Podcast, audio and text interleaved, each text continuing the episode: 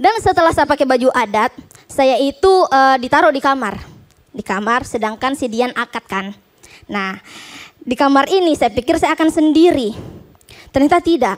Itu ibu-ibu tamu semua masuk ke kamar. Ada yang minta foto, ada yang live Facebook, ada live Bigo, banyak.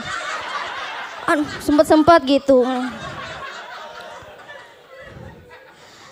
Sampai ada yang sok-sok kasih wejangan datangan Musdalifah nanti kamu kalau sudah menikah harus patuh sama suami. Ya karena ridho suami itu ridho Allah. Ya, cuma masalahnya yang kasih wejangan itu janda. Udah kawin cerai tiga kali. Hmm.